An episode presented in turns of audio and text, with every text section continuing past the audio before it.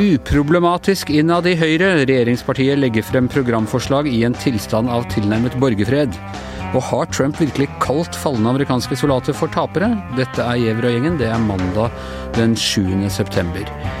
Eh, ja, eh, av alle spennende ting som skjer i norsk politikk, så legger altså Høyre fram et eh, programforslag eh, nå. Hanne Skartveit, hvor store og spente forventninger er det til dette i kongeriket i dag?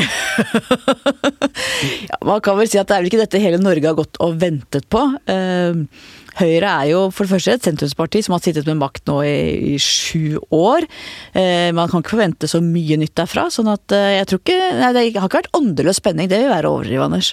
Men de har sittet i sju år, og de har jevnt over gjort det bra på meningsmålingene, Tone Sofie? Ja, ikke jevnt over. Vi må huske på at i februar så hadde vi i VG det vi kalte katastrofemåling for VG. Det er jo for så vidt en overskrift vi er glad i, men men eh, det var vel en av de laveste de var målt. Eh, så kom jo koronaen, og etter det så har det jo ligget jevnt høyt. Uh, vi vet jo ikke liksom om den effekten vil vare, men, men, det som er nytt i Høyre nå, er at jeg opplever en, en veldig sånn optimisme, og de har liksom fått liksom troa tilbake på at det faktisk er mulig å vinne valget. Det handler både om Høyres egen oppslutning, Arbeiderpartiets problemer, og også litt sånn tendenser man ser uh, med sperregrensa, hvor um, Rødt og MDG har gått litt tilbake på noen målinger, mens Venstre og KrF kan se ut til å være litt fram. Så det, det, er et litt mer sånn sjølsikkert uh, Høyre, opplever jeg i hvert fall. Tre valg på rad, er det mulig historisk sett, Hanne? Det er sjelden. Da må vi tilbake til etterkrigstida. Det har vært eh, De aller fleste har hatt maks to perioder. Sist nå Jens Stoltenberg med hans flertallsregjering, som jo satt i åtte år. I USA så har du jo ikke lov til å sitte en president mer enn åtte år. Det er noe med at folk ønsker et skifte. De blir litt lei, selv om man er fornøyd kan hende at det blir en forandring på det i USA, men det kan vi ta, kan vi ta litt senere. Men Tone Sofie, hva er de store litt, brytningene? Jeg si det, det som er liksom spesielle, sant, om en høyreregjering skulle bli valgt for tredje gang, så, så, er jo det helt sensasjonelt. Men uh, jeg tror det som har vært litt sånn forskjell med den, den, perioden her, at det har vært ganske mye kreti og pleti, da. Selv om, uh, selv om det fortsatt er Høyre og Erna Solberg som er statsminister og styrer, så har det endra seg ganske mye hvem som er med i den regjeringa og hvem som er utafor. Så det kanskje kan forklare at det er litt mer sånn eh, Ja, kanskje ikke helt den samme slitasjen og sånn som man ofte ser når samme lag har styrt i åtte år. Ja, vi hørte jo Fremskrittspartiet nå i helgen, og Siv Jensen var ganske klar på at de ikke var noe øh, nødvendig støtteparti for regjeringen. Men hvis vi går til programforslaget sånn, er det noen brytninger å merke i det hele tatt innad i, i Høyre? Nei, det er uh, noen ganske få dissenser som er på liksom, Du har jo kanskje den store saken som går på nedsalg av statlig eierskap i Equinor, som er én, men du har liksom kontantstøttens framtid. Det er jo en kjent sak, og man har liksom lenge skjønt at den går mot, et, uh, mot døden også i Høyre. Du har sånn uh, alkohol opptil 8% i butikk og en del sånne ting. Men jeg prøver nå, liksom nå å lese dette programmet fra perm til perm. Jeg har ikke kommet så fryktelig langt, men uh, jeg, bare merka meg at allerede før jeg kom på side 17, så er Nordlys i hvert fall ute på lederplass og slakter visjonene for Nord-Norge, i hvert fall. Det har de fått med seg. Men det er liksom litt sånn gjenkjennelige ting. Og særlig det som Erna Solberg har snakka veldig mye om de siste årene, med å um, ha et arbeidsliv med plass til alle, med det å kombinere trygd og, og det å stå i arbeid, det skal lønne seg arbeid. Det er litt sånn, litt sånn um, gjennomgangstone i, i det her um, programforslaget. Ja, jeg har sagt det før, jeg sier det igjen, Hanne. Når, hvis jeg hadde liksom gått i, i koma på tidlig 80-tall og våknet igjen nå og og hørt liksom Erna Solberg, så ville jeg trodd hun var sosialdemokrat. Det var jo sånn de prata. Det er jo bare arbeid og velferd og inkluderende arbeidsliv og sånn det går i. Absolutt, de har beveget seg veldig lang tid mot sentrum, og der ligger nok en del av suksessen deres også, som Einar Førde sin tid sa, vi er alle sosialdemokrater. Og det er interessant når du hører pressekonferansen i dag hvor de la fram programmet, ikke ett ord om eh, behovet for en ansvarlig økonomisk politikk, ikke ett ord om kutt i eh, utgifter, eh, begrenset oljepengebruk, og også ikke noe om Forsvaret, som jo er et av de områdene hvor man burde bruke mer. Men er det en stor eh, forskjell på hva Arbeiderpartiet og Høyre f.eks. mener om Forsvaret? Arbeiderpartiet har jo faktisk vært eh, mer på å øke bevilgninger og sånn enn det Høyre har vært. Altså De har vært i hvert fall tydeligere på behovet for eh, Forsvaret, og det er ganske overraskende. Jeg må si at eh, jeg vet jo flere forsvarsfolk som er veldig skuffa over Høyres innsats i disse åtte årene, hvor vi har fått en helt ny sikkerhetspolitisk situasjon som man da ikke har tatt tilstrekkelig på alvor. Hvor, eh, Tone Sofie, hvis du var eh, valgkampstrateg for Arbeiderpartiet, hva ville du grepet tak i eh, i dette programforslaget og sagt at her er det vi skal sette inn støtet?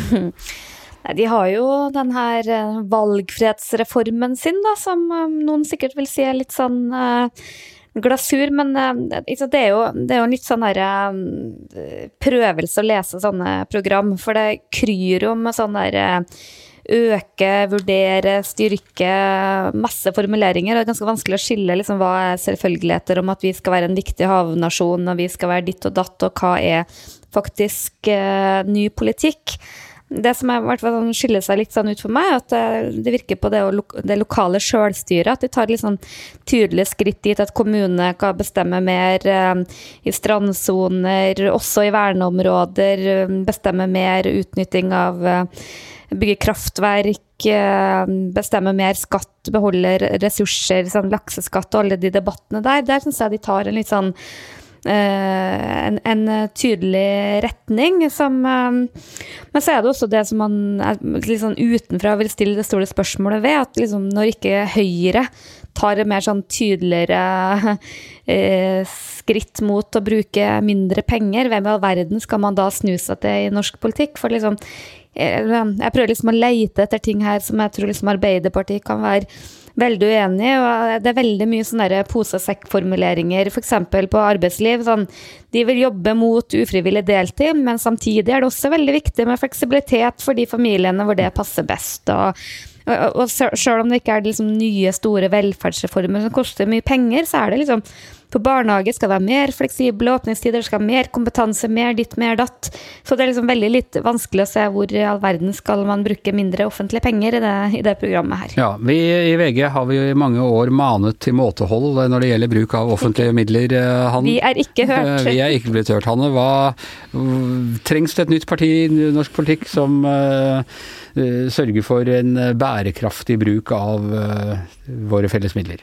Nei, men vi trenger en uh, en hva skal jeg si, Høyre og Arbeiderpartiet som tradisjonelt begge to har stått for en ansvarlig, helhetlig tenking i norsk politikk. Du bør få mer tilbake av det. altså At ingen i større grad tenker på barna, barnebarna, fremtidige generasjoner, er uh, veldig alvorlig. sånn at det er de som rett og slett, det er de som er i stand til det. det noen andre partier vil ikke klare det. Ja, dette de... oljefondet så holder vel en, holder jo en stund. holder sånn... gjennom våre liv, Anders. Ja, ja, men altså det holder jo lenger enn for en generasjon siden. Så er, er jo barn og barnebarn bedre stilt enn en, ja. vi var. Og så er det jo morsomt å lese hvordan de begrunner oljepengebruken. Alle partiene begrunner jo det med at uh, velferdsstaten skal bli så mye mer uh, framtidsretta og robust, og næringslivet skal tjene så mye mer penger, da. Og også Høyre bruker den argumentasjonen at vi skal bruke oljepenger på samferdsel eller forskning og det de kaller vekstfremmende skatte- og avgiftslettelser.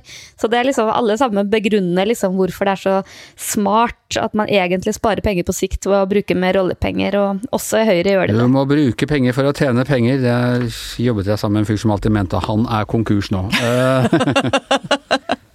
Ja, nei, eh, det er et problem for alle. Og det er klart at du sier ja, det varer noen generasjoner til. Poenget med oljefondet er at det skal vare til evig tid. Og skal vi bare høste avkastning, så skal det være vår økonomiske trygghet i uoverskuelig framtid. Sånn ser det ikke ut til å gå akkurat nå. Nei. Ok. Eh, jeg holdt på å si det blir spennende å se om dette programforslaget går igjennom. Det Syns du det, Anders? Nei, veldig. Men det, skal, det, kan bli en spennende valgkamp til neste år. Bl.a. fordi man må finne ting å være uenig om. Ikke så spennende som en annen valgkamp jeg vet om, og som vi skal snakke litt om nå. Eh, før helgen så hadde det amerikanske magasinet The Atlantic en artikkel hvor de hevdet eh, at Trump faktisk ved flere anledninger skal ha omtalt falne amerikanske soldater som suckers og losers. Han skal ha nektet å besøke en uh, krigskirkegård i Frankrike over falne amerikanske soldater, fordi han mente at de, det, det, var ikke verdt det. Og vi vet jo fra før han sa jo om John McCain i en debatt under valgkampen i 2016 at han var krigshelt bare fordi han ble tatt til fange. John McCain satt altså flere år i vietnamesisk krigsfangenskap. Jeg liker folk som ikke blir tatt til fange, eh, sa Trump. Eh, det hvite hus og Trump selv benekter på det sterkeste at han skal ha sagt sånne ting, men eh, flere har skaffet seg kilder som bekrefter dette, deriblant Fox News. Er dette en sak som er mer alvorlig for Trump, tror du, Per Olav Ødegaard, enn de vanlige, denne typen avsløringer, at han sier 'shit whole countries' og, og sånn, eller er dette bare sånn som uh, hva skal vi si, fanbasen eller, eller grunnfjellet har vent seg til for lengst? Nei, altså Det han forsøker på nå, er jo å si at dette er uh, fake news, sånn som han alltid gjør når han blir uh, utsatt for kritikk. Jeg tror dette her er litt mer alvorlig enn mange av de andre sakene. Han har kommet seg unna med å si utrolige ting som man aldri hadde ventet man skulle høre fra en president tidligere. Um, men dette med forholdet til det militære det har jo vært noe som har vært en grunnstein helt fra starten av. Veldig opptatt av at han skulle gjenoppbygge, som han sa, det amerikanske forsvaret. Veldig opptatt av seremonier, eh, av eh, å vise militær styrke, men da mest i Ikke så mye i på, i verden, i politikken. Han har jo vært opptatt av å avslutte kriger, som, endeløse kriger som han kalte det. Eh, har jo ikke egentlig gjort det. De er ikke ute av Afghanistan ennå. De er i Midtøsten fortsatt, men i redusert grad. Så, men likevel, dette med å men, men parader, militære, generaler, omgi seg med dem, det har alltid vært viktig for ham. Og hvis man liksom slår sprekker på den alliansen der, så er jo det, er nok litt Hans reaksjoner på disse, denne Atlantic-artikkelen tyder på at dette her passer ham dårlig. Ja, og vi vet jo også at han, altså, han skulle satse veldig på generalene i begynnelsen. Altså innsatte generaler i en eh, rekke nøkkelfunksjoner i sin regjering, og så har det skåret seg med flere av dem, eh, særlig da med, med Mattis og, og Kelly. Eh, er det sånn at han nå risikerer å få hele Eh, det militærindustrielle kompleks, som man gjerne kaller det konspirativt, eh, mot seg? Ja, dette er jo og sånn som hans tidligere, eh, tidligere sjef for generalstaben, Mike Mullen, som også var stabssjef der i Det hvite hus, han har jo gått ut og sagt rett ut at Trump forsøker å politisere det militære. Det sa han jo så sent som i sommer i forbindelse med disse store demonstrasjonene i USA. Så det er jeg tror jo de gikk inn og var, var en del av, de første to årene av, Trumps periode, og på mange måter forsøkte å gå inn og øh, lære ham utenrikspolitikk og sikkerhetspolitikk, og være liksom de, de, som skulle få dette på plass. Fordi han hadde jo ikke noe erfaring med dette, Trump. Han var jo helt blank på de områdene, egentlig, når det gjaldt sikkerhetspolitikk og utenrikspolitikk. Ikke ifølge ham selv? Nei, eh, han har jo ment mye om det, men han har jo egentlig ikke Og hvis, som, hvis man hørte på debattene øh, som gikk om dette altså foran, foran forrige presidentvalg, så viste han jo mangel på kunnskap om disse tingene. Men jeg tror disse generalene gikk inn og ville fylle ut det bildet, og tenkte at de kunne påvirke. Og de, selvfølgelig, øh, Trump har jo også vært opptatt av å styrke bevilgningene til Forsvaret, og gjort det. Og det har jo vært populært blant de militære. Men så har de nå er jo alle disse generalene, eh, vi, som vi nevnte her, Mattis, eh, Mullen, uh, Kelly, ute. I varierende grad er, Noen av dem er mer uttalt enn andre når det gjelder å kritisere sin tidligere sjef, men det, et, det, har blitt et brudd med det militære etablissementet. Og de har gitt opp å prøve å han lar seg ikke belære. Hanne, hva, øh, hva, tror du? Tror du denne saken betyr øh, er mer ødeleggende for han enn andre, eller er ja, det bare Ja, det tror jeg. Men når vi vet hvilken øh, status veteranene har i USA, vi vet jo alle hvordan det var etter Vietnamkrigen, hvor de ikke ble hedret, og hvor eh, det var nærmest sånn kollektiv selvransaking etterpå på hvordan de svikta veteranene fordi de var uenige i sak, mange amerikanere. Jeg bodde jo der under Irak-krigen. Da hang det jo sånne gule sløyfer i veldig mange byer du kjørte gjennom, og på husdører. Eh, fordi at folk har kjent at de som går ut og ofrer livet, satser livet for amerikanske interesser, de skal man hedre. Så de får fortsatt relativt dårlig behandling når de kommer tilbake, men det er litt mer sånn formell thank you for for service-holdning, liksom? Ja, altså stemningen rundt dem er veldig annerledes. Jeg var for noen år siden på Walter Reed Hospital, som er dette veteransykehuset. Gjør veldig sterkt inntrykk å se eh, unge menn, stort sett, eller unge kvinner som da ikke sant, har mista bein og armer. Og det ligger dypt i amerikanernes bevissthet. Når du tuller med de folka, eh, så er det noe helt annet enn det vi har sett tidligere fra Trump. Så tror jeg nok at det henger litt sammen med dette Trumps har et litt sånn anstrengt forhold til dette at han selv ikke eh, var, har vært i militær tjeneste. Han hadde jo en problem med foten. Han fikk en legeerklæring på det som gjorde at han han var ikke aktuell for å, å, bli sendt til Vietnam. Og han var jo slett ikke alene om det. Blant, Som de fleste rikmannssønner, så, så, så, slapp han unna. Så, fant, så, hadde de en grunn til ikke å reise. Men likevel, eh, han har en som ikke Han er ikke militær, han har ingen militær bakgrunn. Han har liksom gått på et militærakademi som skole, da. Um, men, men, ellers ikke noen militær bakgrunn. og Det er nesten som å overkompensere ved også å lage en sånn tilknytning til det militære og til generalene. Men det, det er jo den linken der som nå er blitt uh, brutt, uh, i hvert fall skadet. da. Vi, det er uh, nærmer seg 50 dager til valget. Hva tror dere? Hvem tror du, hvem tror du vinner nå, Hanne? Vi må ta en liten oppdatering på det innimellom. Ja, jeg sa jo til deg før sendinga at uh, denne uka her så har jeg begynt å lure på om jeg faktisk tror at Trump kan komme til å vinne. Og det skyldes hele lov og orden-biten. Uh, for at jeg innbiller meg altså frykt er veldig, veldig virksom i en valgkamp. Eh, og jeg tenker hvis vanlige middelklassevelgere begynner å frykte for sin egen sikkerhet eller for USAs sikkerhet, så tenker jeg at det kan slå inn på en måte vi ikke hadde forutsett. Hva tror du, Per Ole? Jeg, jeg tror også det med frykt er et ganske effektivt våpen i valgkampen. Men jeg tror de aller fleste amerikanere nå har bestemt seg for hvem de skal stemme på. Og jeg tror ikke det er noe særlig tvil om at Biden leder i de fleste, også i noen av disse vippestatene. Så jeg tror det er liksom noe Jeg tror han må gjøre mye galt hvis han skal tape dette. Ja. Hva tror du, Anders? Uh, jeg tror vel uh, Jeg tror vel at det er størst sjanse for at Trump kan bli president. Uh, fordi ja, rent historisk at de veldig sjelden kaster en, en sittende president. Og så sånn sett så bøyer de den retningen. Og fordi jeg så jo forrige gang at Hillary Clinton lå stort sett bedre an enn ham hele veien, men allikevel klarte å tape. Samtidig så er det som Per Olav sier, jeg tror ikke noen sittende president har ligget så dårlig an Eh, noensinne eh, etter krigen, eh, uten å tape på, på dette tidspunktet. Så Altså Oppslutningen om Trump er bemerkelsesverdig stabil, men på ja. et ganske lavt nivå. Det er det. Men han vant på stang inn forrige gang, og den, nå kan det være fra en litt annen del av stanga, men ballen kan fortsatt gå i mål. Det tror jeg, tror jeg vi må være åpne for. Men om jeg kan komme med et spørsmål fra sidelinje her. Ja.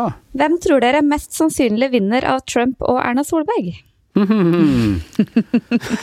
den var, den var jommen vrien. Vi begynner med politisk redaktør Hanne Skartvedt.